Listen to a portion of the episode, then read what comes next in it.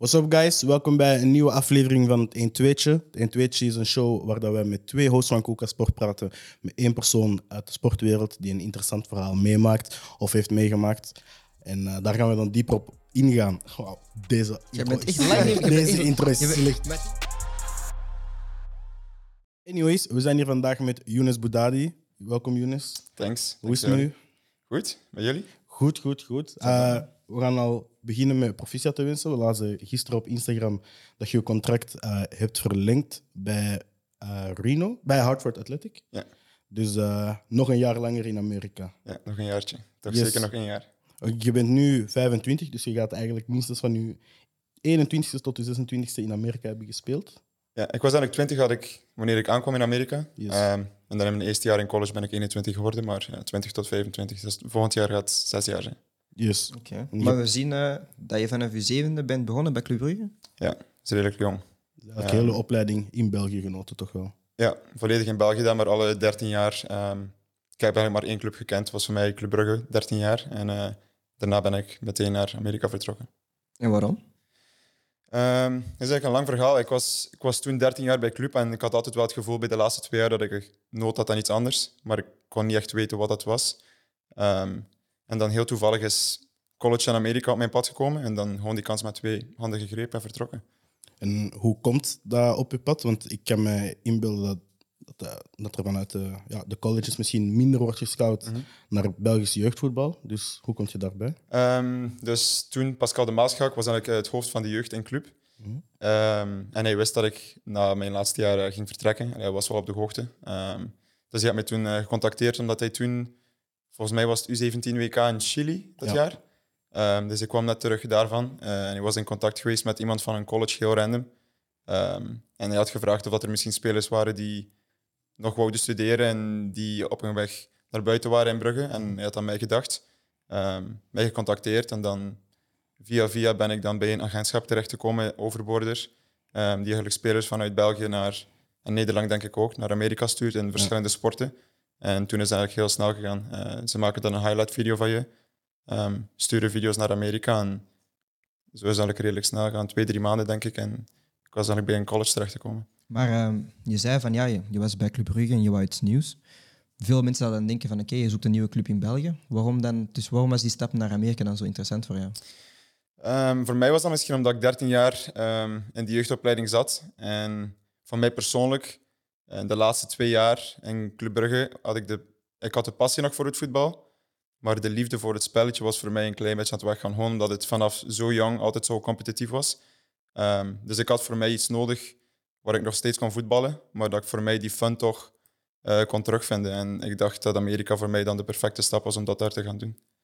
En de, de overstap naar het Amerikaans voetbal, want de, ja, de, de setup van het Amerikaans voetbal is zo, zo verschillend van tegenover het Belgische. Op welk moment begint je eigenlijk te beseffen van oké, zo begint het te werken en dit is het klimaat waar ik nu in ben? De eerste wedstrijd. Dus in college, je zei net dat je ook in college hebt gespeeld, zijn er heel andere regels. Eh, dus ja. ik, kan me nog, ik kan me nog herinneren, de eerste wedstrijd, eh, je werkt daar ook met overtime in elke wedstrijd. Dus ze willen een winnaar hebben, dat is iets heel Amerikaans. Eh, Volgens mij is dat ook waarom dat basketbal en American football zo populair is daar, omdat er gewoon altijd, of toch meestal een winnaar is. Ehm, dus het was 1-0 en denk ik vijf minuten voor tijd kregen we de 1-1 binnen. En ik was heel boos en na de 90ste minuut ging ik, ik, eh, ja, kwam dat van het veld af. En onze coach zegt, waar ga je naartoe? En ik had er gewoon geen idee van. We hadden overtime, dus gewoon in een regu- reguliere competitiewedstrijd eh, speel je nog twee keer 10 minuten. Maar dan na die 10 minuten is het, is het gedaan. Het is oftewel een winnaar met golden goal. Ja. Dus dat is nog een andere regel. Maar gewoon de regeltjes die daar in voetbal en college waren, had ik wel even van eh, aanpassen.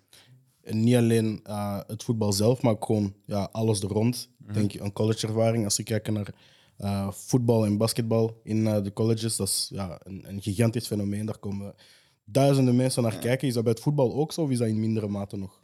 In mindere mate, maar dat groeit wel. En er zijn ook wel bepaalde scholen die gekend zijn ehm, om veel volk te krijgen. Dus ik heb in twee scholen gezeten, in Boston College. en dan uiteindelijk ben ik vertrokken naar Creighton University. Ehm, en in die tweede school, die school was wel gekend om een goed eh, voetbalprogramma te hebben. Dus daar hadden wij gemiddeld toch 3.000, 4.000 voor een eh, college voetbalwedstrijd. Eh, in Boston College was dat dan iets minder. Maar er zijn wel bepaalde scholen die gekend zijn om veel volk te trekken. Maar niet elke programma is wel zo. Ja, nee, want inderdaad, ik ben ook zelf geweest naar de college in Amerika. Nu, ik heb zelf heel veel problemen gehad met de NCAA qua um, ja, dus transcripties en mm -hmm. uh, documenten. Heb jij er veel moeite mee gehad? Toch ook wel, um, omdat je eigenlijk maar één gapjaar mag hebben. En ik zat net iets over die limiet, dus daar heb ik wel wat problemen mee gehad. Maar uiteindelijk is dat wel in orde geraakt. En dan ook nog, um, dus je hebt de regels met de NCAA dat je eigenlijk niets mag hebben qua makelaar als je in België bent, of je mag nooit voor iets betaald zijn um, op papier. Dus daar waren altijd wel wat problemen. Dus ze hadden eerst gezien dat ik toen ik hier nog werkte met een makelaar in België, dus dat moest opgelost worden. Um, maar ja, zoals je zei, er zijn toch wel redelijk veel regels met de NCAA en daar moet je toch wel rond raken om toch in Amerika te kunnen die... Eigenlijk, want eigenlijk is het een amateurstatuut. Ja, ik weet. Ja, um, dus daar moet je wel rond die regeltjes raken. En um, ook je eerste jaar ben je dan direct naar een D2-school gaan of naar een D1-school? D1-school. Direct D1. Ja. Nee, want meestal zie je wel bij buitenlandse spelers dat die eerst naar een D2-school gaan om dan... Ja, een jaar moeten ze dan bewijzen met een Mhm. GPA. Um, dus vandaar ook de vraag. Maar oké, okay, je bent direct naar een D, van D2 naar een, D, ah, direct naar een D1 school gegaan, sorry. Um, hoe was ook die ervaring om direct naar een D1 school te gaan? Want ja, dat is toch helemaal iets anders dan... Wat is het verschil? Want ik ben, niet, ik Ah, ben sorry, eigenlijk niet dus, bekend met de uh, Amerikaanse... je hebt D1, D2 en D3. En D3 Ja. Divisie. van NCAA. Ja. NCAA. je hebt NCAA, je hebt uh, NC, NJCAA, je hebt NIA, je hebt heel veel dingen. Maar Ja. NCAA is het hoogste. Ja. En daar heb je dus drie divisies. En de D1-scholen zijn ja, de echte school. Zo, in basketbal is het een UCLA. Dat zijn echt wel Ja. de, de populaire school of de, De school met de meeste ja, um, inkomsten. Maar dus, D1-school, voor het eerst. Hoe was dat? Dus dat is goed, maar voor mij was het ook een beetje eh, zoeken naar welke scholen uh, er goed waren. Want uiteindelijk is er iets dat op je weg komt, maar je hebt er geen idee van welke school je naartoe gaat. Um, dus uiteindelijk, als je dan je, je, video uitstuurt en die scholen sturen wel e-mails terug van. Uh, en dat is geen aan Amerika, ze zijn allemaal wel salespersonen in Amerika. Dus mm. tegen elke coach dat je spreekt, zeggen van we hebben. Zeg, ik wil marketing gaan studeren, zeggen we hebben het beste marketingprogramma. Ja. We hebben een ploeg die wil voetballen. En elke coach zegt dat tegen je, maar uiteindelijk heb je geen idee wie het er de waarheid spreekt. Mm. Um, dus ik heb dan twee scholen bezocht. Ik ben um, toen naar Boston College geweest en naar Penn State. Um, om een beetje een gevoel te hebben van welke school er best bij mij zou passen. Um, en in Boston College had ik wel het gevoel dat ik daar meteen naartoe wil. Want het was een combinatie van een mooie stad, een goede school academisch gezien, een goede school uh, sportief gezien. En de ploeg zat vol met Europese spelers die eigenlijk hetzelfde traject wat als mij hadden gedaan. Uh, ik was toen rondgeleid van een jongen die uh, toen bij Dortmund speelde tot de U19 of U21. En die toen naar Amerika is vertrokken. Dus ik kon wel relaten op een bepaald vlak met hun. En uh, had wel een goed gevoel erbij. Was er een grote instroom van jongens die in Europa uh, in, de jeugd, ja, in de jeugdreeksen hebben gevoetbald? In Duitsland is dat heel groot. Uh, en dat is eigenlijk iets waar ze nu een beetje aan pushen zijn in België. Uh, omdat ik toch vind dat dat een kans is die veel spelers er niet van afweten. Um, en in Duitsland hebben ze eigenlijk van die soort showcases waar er elk jaar het is vrij om er naartoe te gaan. En spelers die denken van, ze zijn 19 jaar of 20 jaar, 18 jaar en denken van, ik wil naar Amerika, dan is er een showcase en dan al ja. die coaches van Amerika komen eigenlijk kijken en komen ze scouten. Maar hier in België heb je dat niet zo. Nee. En we hadden het net ook over het academische. Uh, je hebt ondertussen ook een, uh, een bachelordiploma in, Bachelor, uh, ja. bachelordiploma in marketing gehaald. Hoe hard wordt er daar omgegaan met het, het academische aspect van het, rond het voetbal? Want ik heb het idee, in België is, dat, is er eigenlijk nog geen omkadering Nee. tussen school en voetbal. In Nederland en Spanje is dat er al meer, wel, is dat er al meer door aan het komen. Daar zijn uw trainingsuren ook afgestemd op, op, uw, voet, op, uh, op uw academische uren. Hoe heb jij dat ervaren, die overstap? Er was superveel hulp. Dus mijn Engels was niet zo goed als ik vertrok. Um, toch zeker niet goed genoeg om naar een school als Boston College te gaan, normaal gezien. Um, maar je hebt zoveel academic advisors en zoveel lesuren en tutors die helpen met, met van alles en nog wat. Want uiteindelijk, um, het verschil met België en Amerika heb ik ook wel gemerkt. Hier in België kan je zomaar naar een universiteit gaan en dan ben je op jezelf aangewezen. Dan moet je toch doen wat je moet doen om af te studeren. Maar in Amerika is het heel moeilijk om binnen te geraken in een school. Maar eens je binnen bent, is er zo'n grote community die dan helpt om af te studeren. Ja. Um, dus er zijn wel heel veel mensen die, uh, er zijn heel veel mensen die helpen om, om toch die stappen te zetten. Maar um, dan, was het dan niet moeilijk voor je familie ook? Want ja, je zat heel je leven in België en ineens naar Amerika. Je hebt dan iedereen achter, achter moeten laten. Hoe was dat? Ik denk dat ze, niet echt, uh, dat ze dat niet echt getoond hebben, omdat ze toch blij waren voor mij dat ik die kans kon nemen. Um, maar uiteindelijk was ik ook van mijn 12 jaar al op internaat geweest in Brugge. Um, was ik eigenlijk nooit thuis van, van maandag tot zaterdag. Uh, dus waren ze wel gewoon dat ik nooit thuis was tijdens de week. Uh, maar dan voor de eerste keer terug zes, zeven, acht maanden weg zijn van thuis, denk ik toch dat het niet makkelijk was voor hen dat om dat om, ja, om het te laten gaan voor zo'n lange eh, periode. Nu, nog iets anders. Uh, we gaan het Amerikaans voetbal vandaag ook een beetje meer leren kennen. Um, we lezen dat je zowel bij de Boston Eagles hebt gespeeld als bij de Boston Bulls. Uh, is dat een amateurstatuut bij de Eagles en dan een pro-statuut bij de Bulls? Of hoe werkt het systeem daar eigenlijk? Dus um, het systeem in Amerika is iets, is iets heel vreemds en dat is ook iets die we, dat ik moest aanpassen. Dus het seizoen in college duurt eigenlijk maar drie, max vier maanden te zien hoe ver dat je geraakt in dan het nationaal toernooi. Um, en dan in de zomer, die eigenlijk leidt naar het seizoen, want het seizoen loopt van augustus tot oktober, november, um, zijn er van ploegen, dat is eigenlijk gezien als vierde, vijfde klasse misschien. Um, en als je in college speelt, kan je geen professioneel contract tekenen. Dus die ploegen bieden dan een twee, drie maanden competitie aan, waar dat spelers kunnen voorbereiden voor het seizoen. En dat is eigenlijk een amateurcompetitie, waar dat je dan in de zomer heel veel spelers van college ziet samenkomen. Um, en dan in Boston was er een ploeg, dat was Boston Bolts voor mij. Ja. Um, en dan ga je eigenlijk terug naar college. Um, en dat was dan in Boston College Eagles. Ja, want je hebt ook vaak van die ploegen die aangesloten zijn aan een MLS-club. Ja. Dus was Boston, Boston Bolts daar aangesloten bij, denk ik, New York Revolution? Of is het dan helemaal... Je had een academiespeler. Dus als, um, stel dat er daar een academiespeler was van 15 of 16 jaar, dat ze zeggen van, er zit wel wat in en heeft wat matchritme nodig, omdat hij nog wat iets te jong is om um, misschien een MLS-minuut te gaan maken, dan uh, sturen die, of werken die samen met clubs die dan een vierde, vijfde klasse spelen en dan laat hij die gewoon... Want dat niveau is niet, is niet zo hoog, maar het is eigenlijk puur gewoon om minuten te maken, um, omdat het seizoen in college ook gewoon zo kort is. En wat vond je van het algemene niveau van collegevoetbal? Um, er waren ploegen die goed waren en ik had het geluk dat ik toen eigenlijk in een goede conferentie terecht te komen was. Dat was de ACC en dat was toen wel gezien als um, een conferentie waar er heel veel goede scholen in zaten. Um, en het is ook een systeem met scholarships. Dus ik vond dat je... je kon altijd wel bij de spelers die starten, de 11, 12, 13 spelers, was er een goed niveau, maar dan vond ik wel dat er een grote drop-off was ja. naar de spelers die niet veel minuten maakten. Maar volgens mij was dat ook omdat er gewoon niet genoeg scholarships waren om aan iedereen uit te delen. Um, nu ook een vraagje, hè, want je zei zelf, um, ja, ze speelden vanaf augustus tot oktober. Dan zou dat zeggen dat je ongeveer een twintigtal wedstrijden speelt op mm -hmm. twee, drie maanden tijd. Hoe was dat dan om fysisch aan te passen? Want ja, in België speel je een heel seizoen ja, op acht, negen maanden. Ja. Nu speel je twintig wedstrijden op twee, drie maanden. Hoe heb je je daarvoor dan voorbereid? Wist je dat op voorhand al? Dat wist ik op voorhand, maar het was toch aanpassen. Um, en niet alleen die wedstrijden, maar ook het reizen. Uh, hier als je een wedstrijd hebt in, in Gent, moest je een uurtje op de bus zitten. Ja. Uh, maar zelfs ook in college, als je een uitwedstrijd hebt, dan moet je de dag ervoor vliegen. Hotel, wedstrijd, dag erna terug vliegen. En dan heb je nog altijd lessen dat je moet volgen. Um, moet je zorgen dat je, ja, dat je toch niet te ver achtervalt uh, met al de lessen die je ook nog neemt. Um, dus vooral het vliegen en al die wedstrijden. Soms was het vrijdag, zondag, woensdag, zaterdag, ja. zondag. Soms waren het twee, drie wedstrijden op, op twee, drie dagen. Dus. Ja. En dat is ook heel fysiek voetbal. Um, zeker in college was er niet zoveel sprake van echt tactisch, um, maar gewoon heel fysiek. Want uh, toen, ik, ja, toen ik daar aankwam, uh, was ik zeker uh, fysiek, had ik wel wat achterstand ja. op die andere jongens. Wordt er daar ook veel gewerkt ja, aan het fysieke aspect natuurlijk van een speler?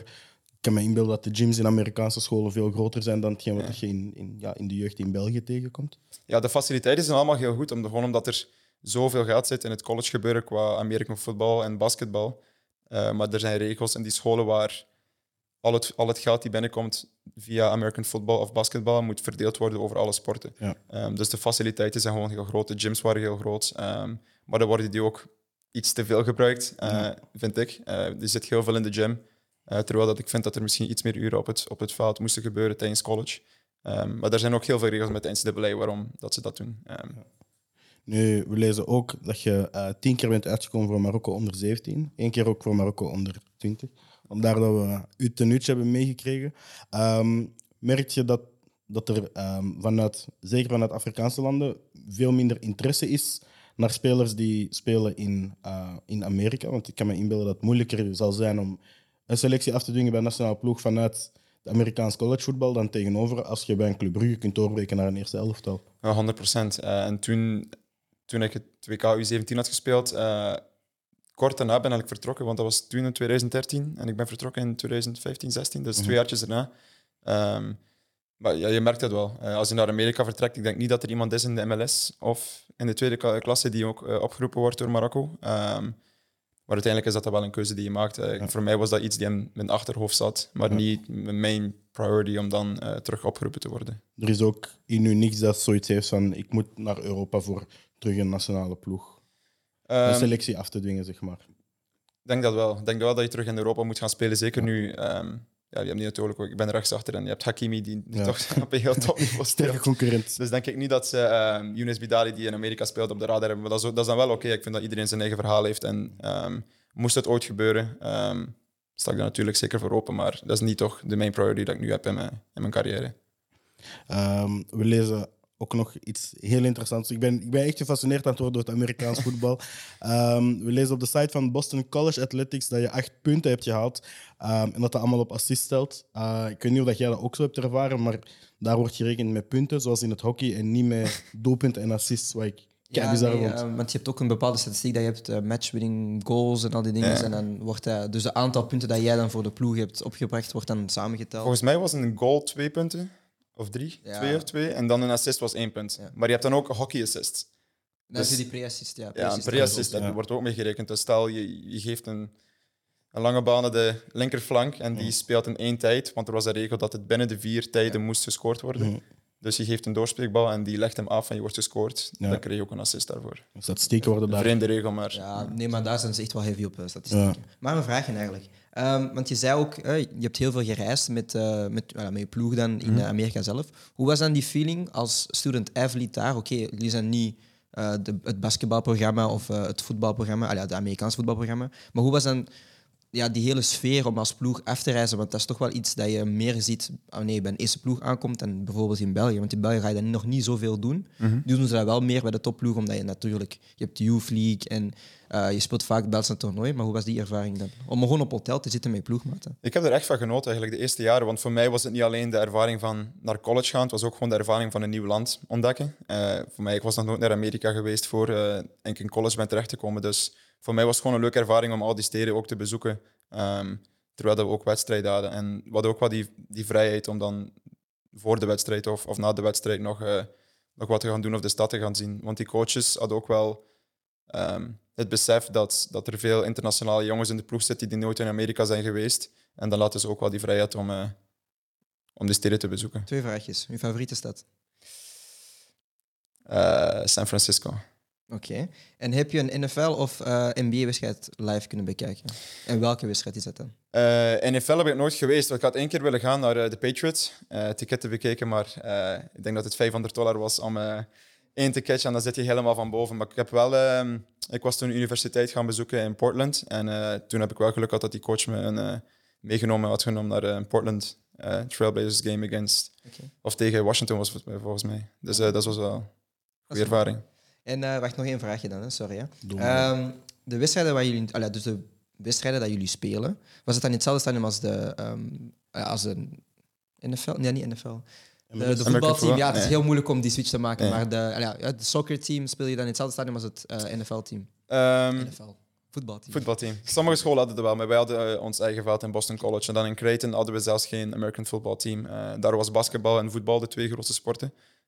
In Boston College was American football de grootste sport. Maar ja, dat, als zij thuiswedstrijden hebben, is dat er toch 35.000 man. Eh te kijken naar collegewedstrijden in Boston College. eh, als we daar zouden spelen, zou, het- nou, zou het zeker niet vol zitten. En welke, voor was, welke was de grootste dat je in hebt gespeeld? Of hoe groot In college? Ja.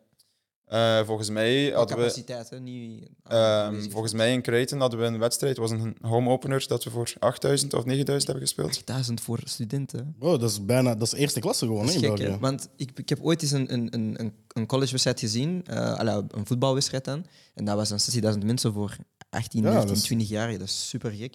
Is Maar hoe is dat in die beleving toch wel om de 8000, 9 mensen dat naar jullie willen komen kijken?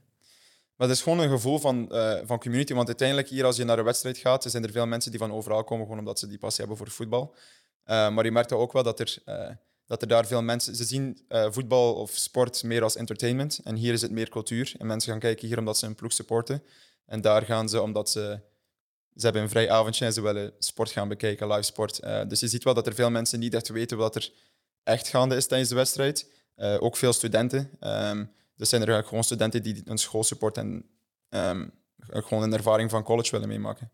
Je had het over cultuur. Ehm, iets wat ik op wil inpikken was dan ehm, het Amerikaans, ja, Amerikaans voetbal. Het voetbal in Amerika is de laatste jaren ja, een metamorfose, denk ik wel, aan het ondergaan. Eh, we kunnen zien dat er in de nationale ploeg zoveel gigantische talenten in de jeugdreeksen spelen en zelfs voor het eerste elftal voor Amerika beginnen uitkomen. Merk je dat zelf ook nu dat je al, ik denk, vijf, zes jaar in Amerika aanwezig bent, dat er toch een culturele verandering is naar hoe er naar voetbal wordt gekeken? Um, ja, zeker weten. volgens mij is het ook ehm, iets wat Amerika heel goed is, is, als ze echt iets willen doen. Want ze hebben zoveel geld, pompen ze gewoon zodanig veel geld in, um, in dat project, dat ze het gewoon doen lukken. Uh, dus nu denk ik dat ze heel goed bezig zijn met de MLS. Het enige probleem is natuurlijk wel, er zijn heel veel dingen die, die kunnen veranderen qua ja, promotie en relegatie. En allerlei andere dingen die eigenlijk... Het is nog maar 25 jaar of 30 jaar dat de competitie bestaat. Uh, maar ik denk wel dat ze op de goede weg zijn. Als je kijkt wat dat vijf jaar geleden was, of zes jaar geleden, en, en hoe dat ze nu bezig zijn, uh, denk ik dat er in de volgende 10 of 15 jaar toch nog zeker heel veel progressie zal komen.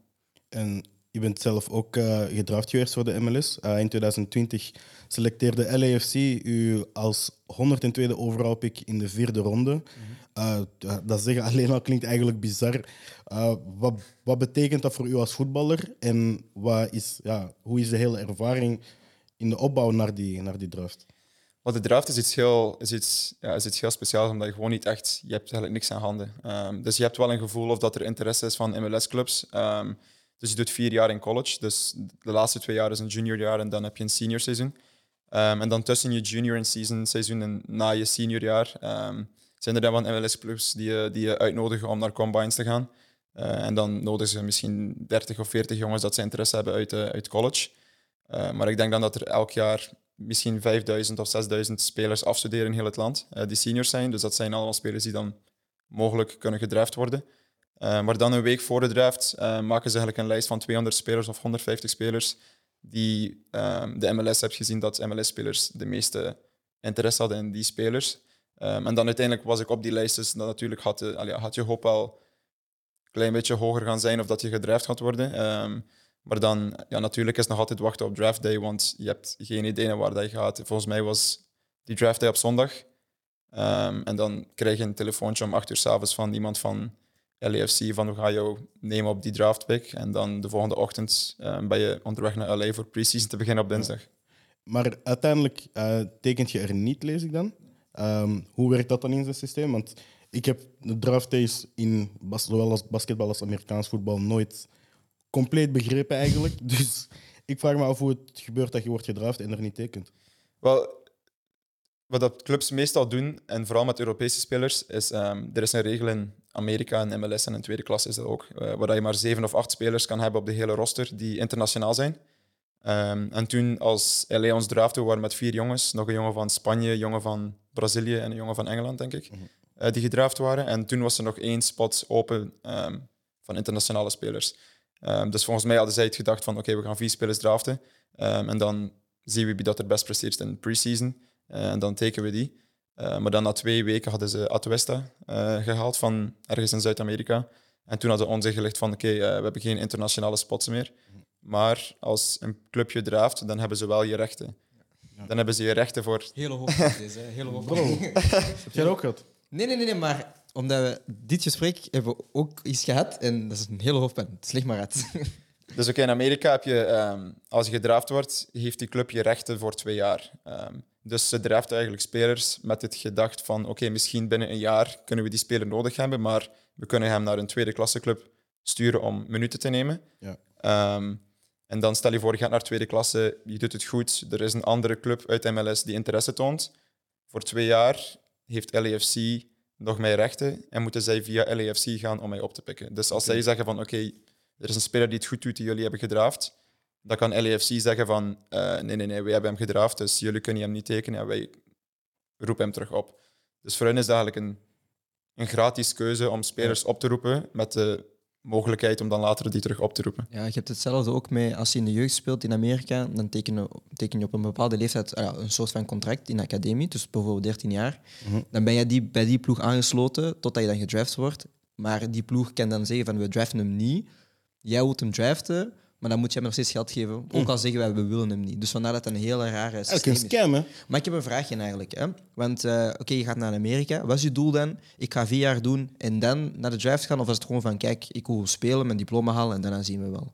Voor mij was het ook gewoon eerst die ervaring doen en dan zien. Uh, het was altijd wel in, in mijn gedachten om naar Amerika te gaan, maar dan nog altijd de mogelijkheid te hebben om misschien prof te worden na vier jaar.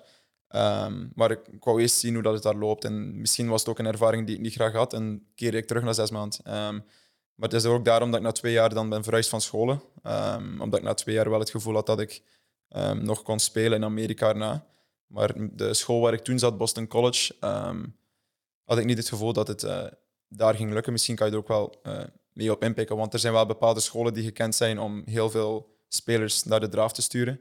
Ehm, en Creighton was voor een school die elk jaar toch wel twee, drie eh, spelers in de draft terechtkwamen. En voor mij was dat dan een keuze om puur om toch in de draft eh, terecht te komen, om dan te veranderen, te veranderen van school. Maar is dat dan, vind je dat dan een voordeel of een nadeel dat je dan vier jaar ja, moet doen eigenlijk? Want het is heel moeilijk om als eh, junior gedraft te worden. Mhm.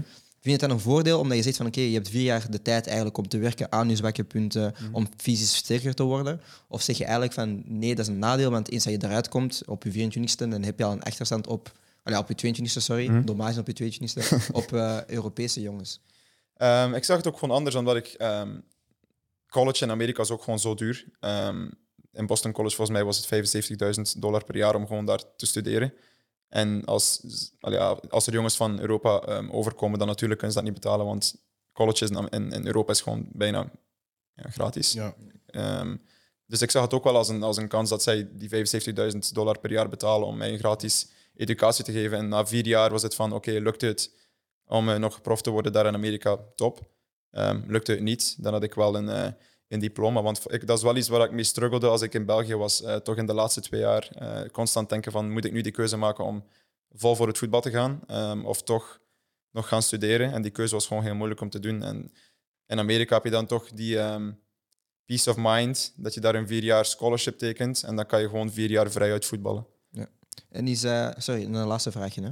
Ehm, is het ding dat je het meeste is bijgebleven van Amerika? Of, is het- of, is er iets gebeurd waar je het meeste van hebt geleerd? Qua speelstijl, tactisch, eh fysisch? Of is het gewoon eh, naast het voetbalveld? Ehm, ik heb gewoon mezelf terug, teruggevonden op het veld. Ik heb gewoon terug plezier gevonden in het voetbal. En dat is, iets, dat is eigenlijk iets heel raar, omdat je naar een land vertrekt waar het voetbal niet zo in die cultuur eh, zit. Eh, maar gewoon voor diezelfde redenen dat ik zei, ehm, je tekent daar een scholarship voor vier jaar en gewoon op zoveel andere manieren leer je jezelf kennen. Want je gaat ook naar school terug, je, je keert terug. Hier in België leer, je- leef je eigenlijk in een kleine bubbel. Als je ehm, in de jeugd speelt en je gaat op internaat, je ziet dezelfde jongens altijd. Ehm, en je gaat naar een college en je leert zoveel mensen van, ehm, ja, van over de wereld kennen. En zoveel invalshoeken, je leert nieuwe culturen kennen. En gewoon op die manier heb ik gewoon terug mezelf teruggevonden op het veld en terug mijn beste niveau eigenlijk, die ik niet meer kon terugvinden. Het laatste jaar dat ik in Brugge voetbalde, eh, heb ik die toch teruggevonden. Je hebt na je eh, college, zag ik dat je ook nog hebt getekend bij tweede divisie club Reno eh 68. Ehm, die club is ondertussen failliet eh, door de pandemie en de financiële gevolgen daarvan. Ehm, vind je dat een. Ja, hoe heb je dat zelf ervaren? Het feit dat ja, de club waar je bent gaat failliet, dat is misschien wel iets. Maar dat, wa- dat was eigenlijk iets heel vreemd, omdat toen... ehm, ik had toen mijn eerste profcontract daar getekend in maart. Volgens mij twee weken voordat de pandemie uitbrak. Ehm, en natuurlijk, al die contracten, ehm, er stond er niks in van... Er stond geen clausule in van ehm, als er nu een Ja. Een ja, een pandemie uitbreekt, eh, dan doen we dit en doen we dit. Nu staan die er wel in. Eh, nu in de nieuwe contracten staat die erin. Als er nog iets, zoiets gebeurt, dan kunnen we niet uitbetalen. Maar ehm, al die spelers van heel de competitie moesten wel doorbetaald worden heel het jaar. Maar we hebben wel zes maanden niks gedaan. Dus zij weten dat gewoon thuis. En al de spelers werden uitbetaald. En dan gingen we terug wedstrijden spelen, waren we geen fans. Ehm, en die club had dan ook plannen om een, eh, om een voetbalstadion te gaan bouwen. Want het eerste jaar speelden we daar in een, een baseballstadion. Dat je eigenlijk elke week Ja. switchte van baseball naar Oh, voetbal, wow. naar baseball, naar voetbal. Ehm, dus die plannen waren dan ook in het water gevallen omdat ze zoveel geld waren verloren eh, in dat pandemiejaar. En er was zoveel onzekerheid ook voor het jaar erna, of dat het ging lukken of niet. Ehm, dus volgens mij is het gewoon gestopt ermee. En wij wisten daar ook niks van. Was dat USL Championship? Ja. Decent. En dan in eh, 2021, eh, sinds 2021 komt je uit voor Hartford Athletic. Dat is ook een club in de tweede divisie. Ja. Hoe valt het niveau daar wat mee? Ik vind dat het niveau daar heel wordt onderschat. Ehm, zeker nu in de laatste twee, drie jaar. Eh, omdat de MLS zo aan het groeien is, zijn er veel spelers die misschien vijf jaar geleden in MLS zouden spelen, die nu geen plaats meer hebben in MLS en die gewoon naar USL Championship gaan. Eh, heel veel internationale spelers die eh, geen international spot kunnen krijgen in, eh, in MLS, spelen nu in, in USL. Eh, en ik vind ook wel dat er, eh, dat het niveau ja, toch redelijk wordt onderschat. Ik zeg niet dat het hetzelfde niveau is als, als in, in topcompetities in Europa. Ehm, Welk niveau zou je het kunnen vergelijken, denk je? ehm, ik kijk niet meer zoveel voetbal in België of, of Volg je, volg. Belgisch voetbal überhaupt nog? Of-. Hmm. Brugge volg ik wel nog. Ja. Maar eh, als ik terug in België ben, kijk ik wel eens wedstrijden. Maar anders gezien, eh, de tijden zijn ook gewoon super raar. Soms eh, zijn er wedstrijden die om 8 uur s ochtends beginnen of 9 uur s ochtends. En dan heb ik zelf training. Hoe lang speel je al eh, USL Championship? Eh, nu volgend jaar mijn derde jaar. Heb je tegen Dorba nog gespeeld, net? Bij Tegen Phoenix Rising? Dorba. Nee, Drogba was, was net niet. vertrokken ervoor. Ah, dat is jammer. Dat is jammer, hè? Anders had je het eruit kunnen winnen. Ja, dat was jammer. hè. Maar er is wel een club in Charleston, die, in Charleston, in Charlotte. ehm, heel vreemd, maar die hebben heel veel spelers nu in die ploeg zitten die ehm, in Europa gespeeld. Christian Fuchs speelt Ah, nu ja, in die ploeg. ploeg. Van Van Leicester. Leicester. Ja. Oberton, die bij Newcastle en Man U nog gespeeld Ah, heeft. Gabriel. Kale Ja. die Kale speelt nu ook in die ploeg. Uh. Marvaux, die ook in eerste klas in eh, Frankrijk heeft gespeeld. Ja. Er zijn heel veel spelers die eigenlijk nu van... Want vroeger, spelers als Oberton was genoeg om in de MLS te geraken. Um, maar ik denk ook dat het een teken is van MLS dat die switcher is gekomen. Ja. Uh, vijf jaar geleden gingen ze vaak voor oudere spelers die uit Europa kwamen. De Matuidi's, de Higuains. En ze hebben doorgehad dat die formule eigenlijk niet echt werkt. Want nu bijvoorbeeld Inter Miami had eh Higuain overgehaald. Ze hadden ehm Kieran Gibbs overgehaald. Ze hebben eh Matuidi. Matuidi overgehaald. En uiteindelijk stond ze laatste in de, in de competitie voor een lange tijd. En ze zijn nu eigenlijk overgeswitcht naar jongere spelers vanuit Zuid-Amerika. Ja. Die ze dan een project voorstellen van als je nu in MLS goed speelt, sturen we je naar Europa. Ehm, dus veel spelers die gedaan zijn met hun carrière in Europa gaan nu gewoon naar USL Championship, omdat ze toch nog altijd in Amerika willen wonen.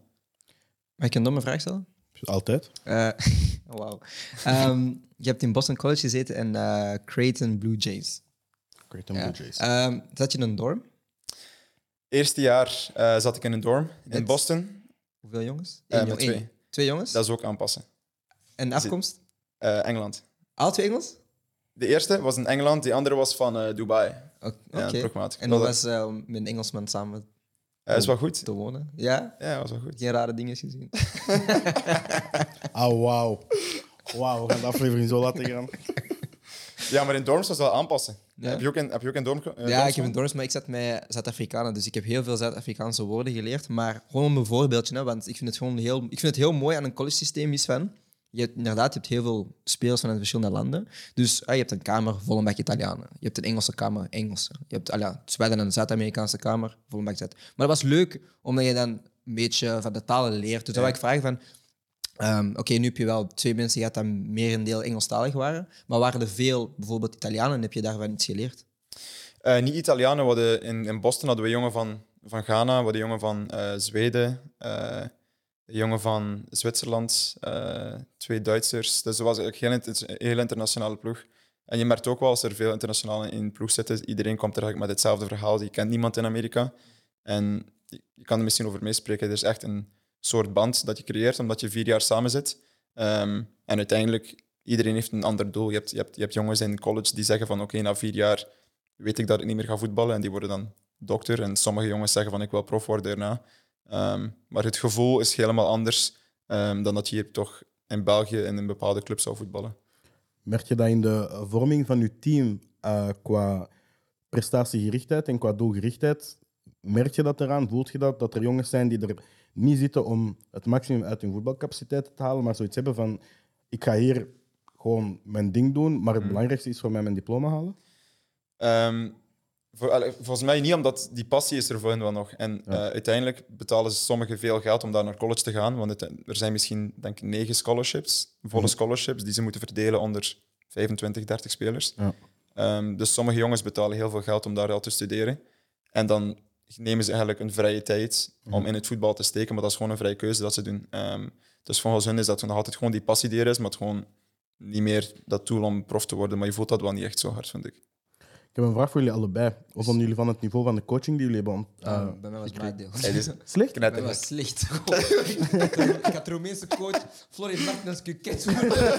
Hij is een slechte coach, hè? Zo slecht? Nee, hij was, hij was echt op die terrorisme shit zo. Alleen lopen, Hm, maar Roemenen? alleen lopen. Nee, nee, maar déjà hij zegt zo. Bro, precies was alleen lopen. We hebben gelopen op straat, we hebben gelopen in het bos, we hebben gelopen op het veld, bro. We hebben wel niet geraakt, hè? Weet je, onze training was... We hadden zo'n... Ah, sorry dat ik over mij heb. Doe maar, doe maar. We hadden zo'n rotte... Kijk, hoe dat hij had geadverteerd, hoe dat onze trainingsveld was, precies, kap nou. Strak. Je komt daar aan, het gras ligt zo hoog. Weet je, als training, je moet te lopen dat dat gras plat ligt. Wauw. Toen ik is klaar, man. Hoe was het bij jou, sorry? Nee, maar volgens mij in het overal, coaches in college zijn gewoon ja, gek. Als je het zo mag zeggen, ja. Veel Coach coaches zijn Carter gewoon- types. Slecht. Er zijn, er, zijn, ja, er zijn gewoon coaches die daar... Want je hebt geen... Dat is iets, iets heel speciaals in college. Eh, je hebt geen coachingdiploma nodig om coach te zijn in college. Oh, wauw. Maar ze verdienen wel meer geld dan coaches in het profcircuit. Dus de coach die ik bijvoorbeeld had in Creighton verdiende waarschijnlijk 200.000 of 300.000 dollar per jaar. Veel meer dan een coach nu verdient waarschijnlijk. Ehm, maar dat is gewoon omdat er zoveel meer geld zit in dat schoolsysteem. Maar die had geen diploma in coaching. Of hoe- Die heeft Wat doe ik hier gewoon... nog? Veel coaches binnen dan gewoon als letterlijk Ja. materiaalman of zo. En die worden dan assistant. En dan na een paar jaar assistant rollen die in die headcoach-job. En dan blijven die 25, 30 jaar bij een bepaalde school. Mm. En na 20 jaar is die... Ze hebben die passie wel nog, maar ze zitten gewoon in te cashen. En Ik stop ermee bij Cool. Ik ga naar Amerika. Ah, ik had, ik had, Pak straks een ik weet vlucht. niet, ik weet niet, vorig jaar, ik was de hele tijd aan het zoeken op dingetjes. gezet. Nee, want eh, ik heb wel, moet wel transparant zijn, ik heb wel een goede assist, assistant coach gehad, maar dat was een, een ex-speler die dan uiteindelijk, een ex-college-speler die dan ehm daar is doorgegroeid. Maar meestal zie je wel, eh, je hebt een, eh een headcoach, Ja. een assistant coach en dan heb je eh, allee, iemand die altijd een jaartje Mhm. zijn master doet, dat dan in de coachingstaf komt. Ah, Oké. Dus ja, dus was je, wel- ja, je hebt wel de mogelijkheid om dan, als je een master wil doen, dat je... Je hebt dan een soort statuut dat noemt graduate assistant. En dan betalen ze eigenlijk gewoon je master ehm, diploma om een assistent coach te zijn. Oké, dat was want, wel tof.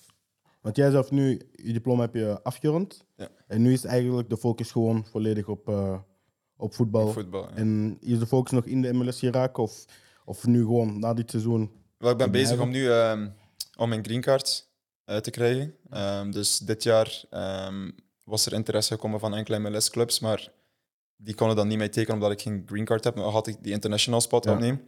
Dus we zijn nu begonnen met het proces om mijn green card te halen tegen volgend jaar. Het einde van het jaar zou ik die moeten krijgen. Oké. Dus volgens mij, ja, voor mij is het doel nu wel... Ik had nu net bijgetekend voor een jaar. Ja. ehm, om dan mijn green card te krijgen tegen het einde van het jaar. En dan hopelijk toch die stap terug naar de MLS kunnen maken. Ja, sterk man. Dat is mooi. Je gaat hard moeten studeren hè, voor die test, hè? Je weet dat toch, hè? Geen idee. Nee, geen idee. Dat We is, een zijn, test, ah, dat is een test dat je daar moet afleggen. en Zo. ja. Maar Maar die die green card is- cursussen zijn veel strenger dan die in België. Ja, ja, daar is het lachje niet. De green card is eigenlijk echt puur om... Als je de green card hebt, dan, dan tel je niet meer mee als een internationale speler. En. Ja. Plus, plus, er liggen zo de limieten op hoeveel je mag verdienen als buitenlander. Als hij dan als... hm, Nee, maar goeie. niet Ik bedoel, alle succes. Eh, dat, is, dat zijn voor mij alle belangrijke vragen zijn gesteld. Ik denk dat we nu al een heel veel betere blik hebben op het college system. We gaan nu sowieso eh, heel veel succes wensen voor het komende seizoen. Ehm, je mag nog een shameless plug doen. Je mag in die camera kijken. En als eh, je wil dat de mensen je ergens volgen, Instagram, Facebook. Als je wilt dat ze ergens op een stream naar je wedstrijden kijken, mag je het ook gewoon zeggen. Ehm, alle social media is gewoon Younes Bedadi. Ehm, Twitter, Facebook, Instagram. Ehm that's about it. Ja, ik wil nog iets zeggen. Je hebt een hele sterke interview achterlicht. Echt waar. Thanks. Heel, heel mooi gesproken en zo. Ik wou, ik wou vragen, zo van, heb je media-training gekregen? Maar dat gaan we niet doen. Ehm, ik wil nog even gewoon zeggen, eh Gilles heeft Balenciaga's. Eh, als je weet, heeft hij een tijdje lang bij uh, High Sportcast gezeten. Dus we weten van waar dat Bro, deze zijn, wacht, deze zijn oud. En plus, ik ga je, ja, ik ga je grappig, ik ga je een grappig verhaal Ik vertellen. vriend goed dat je zegt, ik wil naar Amerika coach gaan worden. is Moet-. Bro, ik heb- Ah, doekoe. Bro, weet je hoeveel deze mij hebben gekost? Hoeveel? 100 euro. Weet je wel? Ik ga je zeggen waarom. Kijk, ze weten ik werk op een voetbalclub, toch? Jullie weten ik werk op een voetbalclub, toch? Ja. En er zijn altijd voetballers die vanuit het buitenland komen en zeggen: ah, waar, waar kan ik dingen kopen? Ze zeggen: ah, je moet naar die winkel gaan, daar Balenciaga jas kopen. Ze zeggen: ah, daar ik kan die schoenen kopen, ah, daar dit, daar dat. Dan na vier, vijf maanden, ik ga naar die winkel en zeggen: hé, hey, Frangin, ik weet dat hier elke week voetballers komen. Bro, fix mijn prijs. en deze guy is tegen mij van: ah, door u heb ik 17 Balenciaga jas. Nou, nou, kom, kom, kom, pak een paar. Ga je me fixen? Hm? Ga je me fixen? I got you. Alright. Dat is on camera, hè? I got you. Hey, Younes, bedankt, man. Dank je. Thanks, Younes. ja, Enorm thanks naar bedankt. jullie. Thanks naar Enorm jullie. bedankt. Ehm, heel veel succes nog voor het volgende seizoen. Jullie bedankt om te kijken. Eh, welke camera is van mij? Deze camera? Die. Die camera is van mij. Jullie bedankt om te Nee. kijken en we zien jullie. Ja, dat is mijn camera. Die, die, die, die. die. Ja, ik zeg het toch. jullie bedankt om te kijken en we zien jullie hopelijk de volgende in Twitch terug. Tokos. Tokkos. Dat is een leuk gesprek.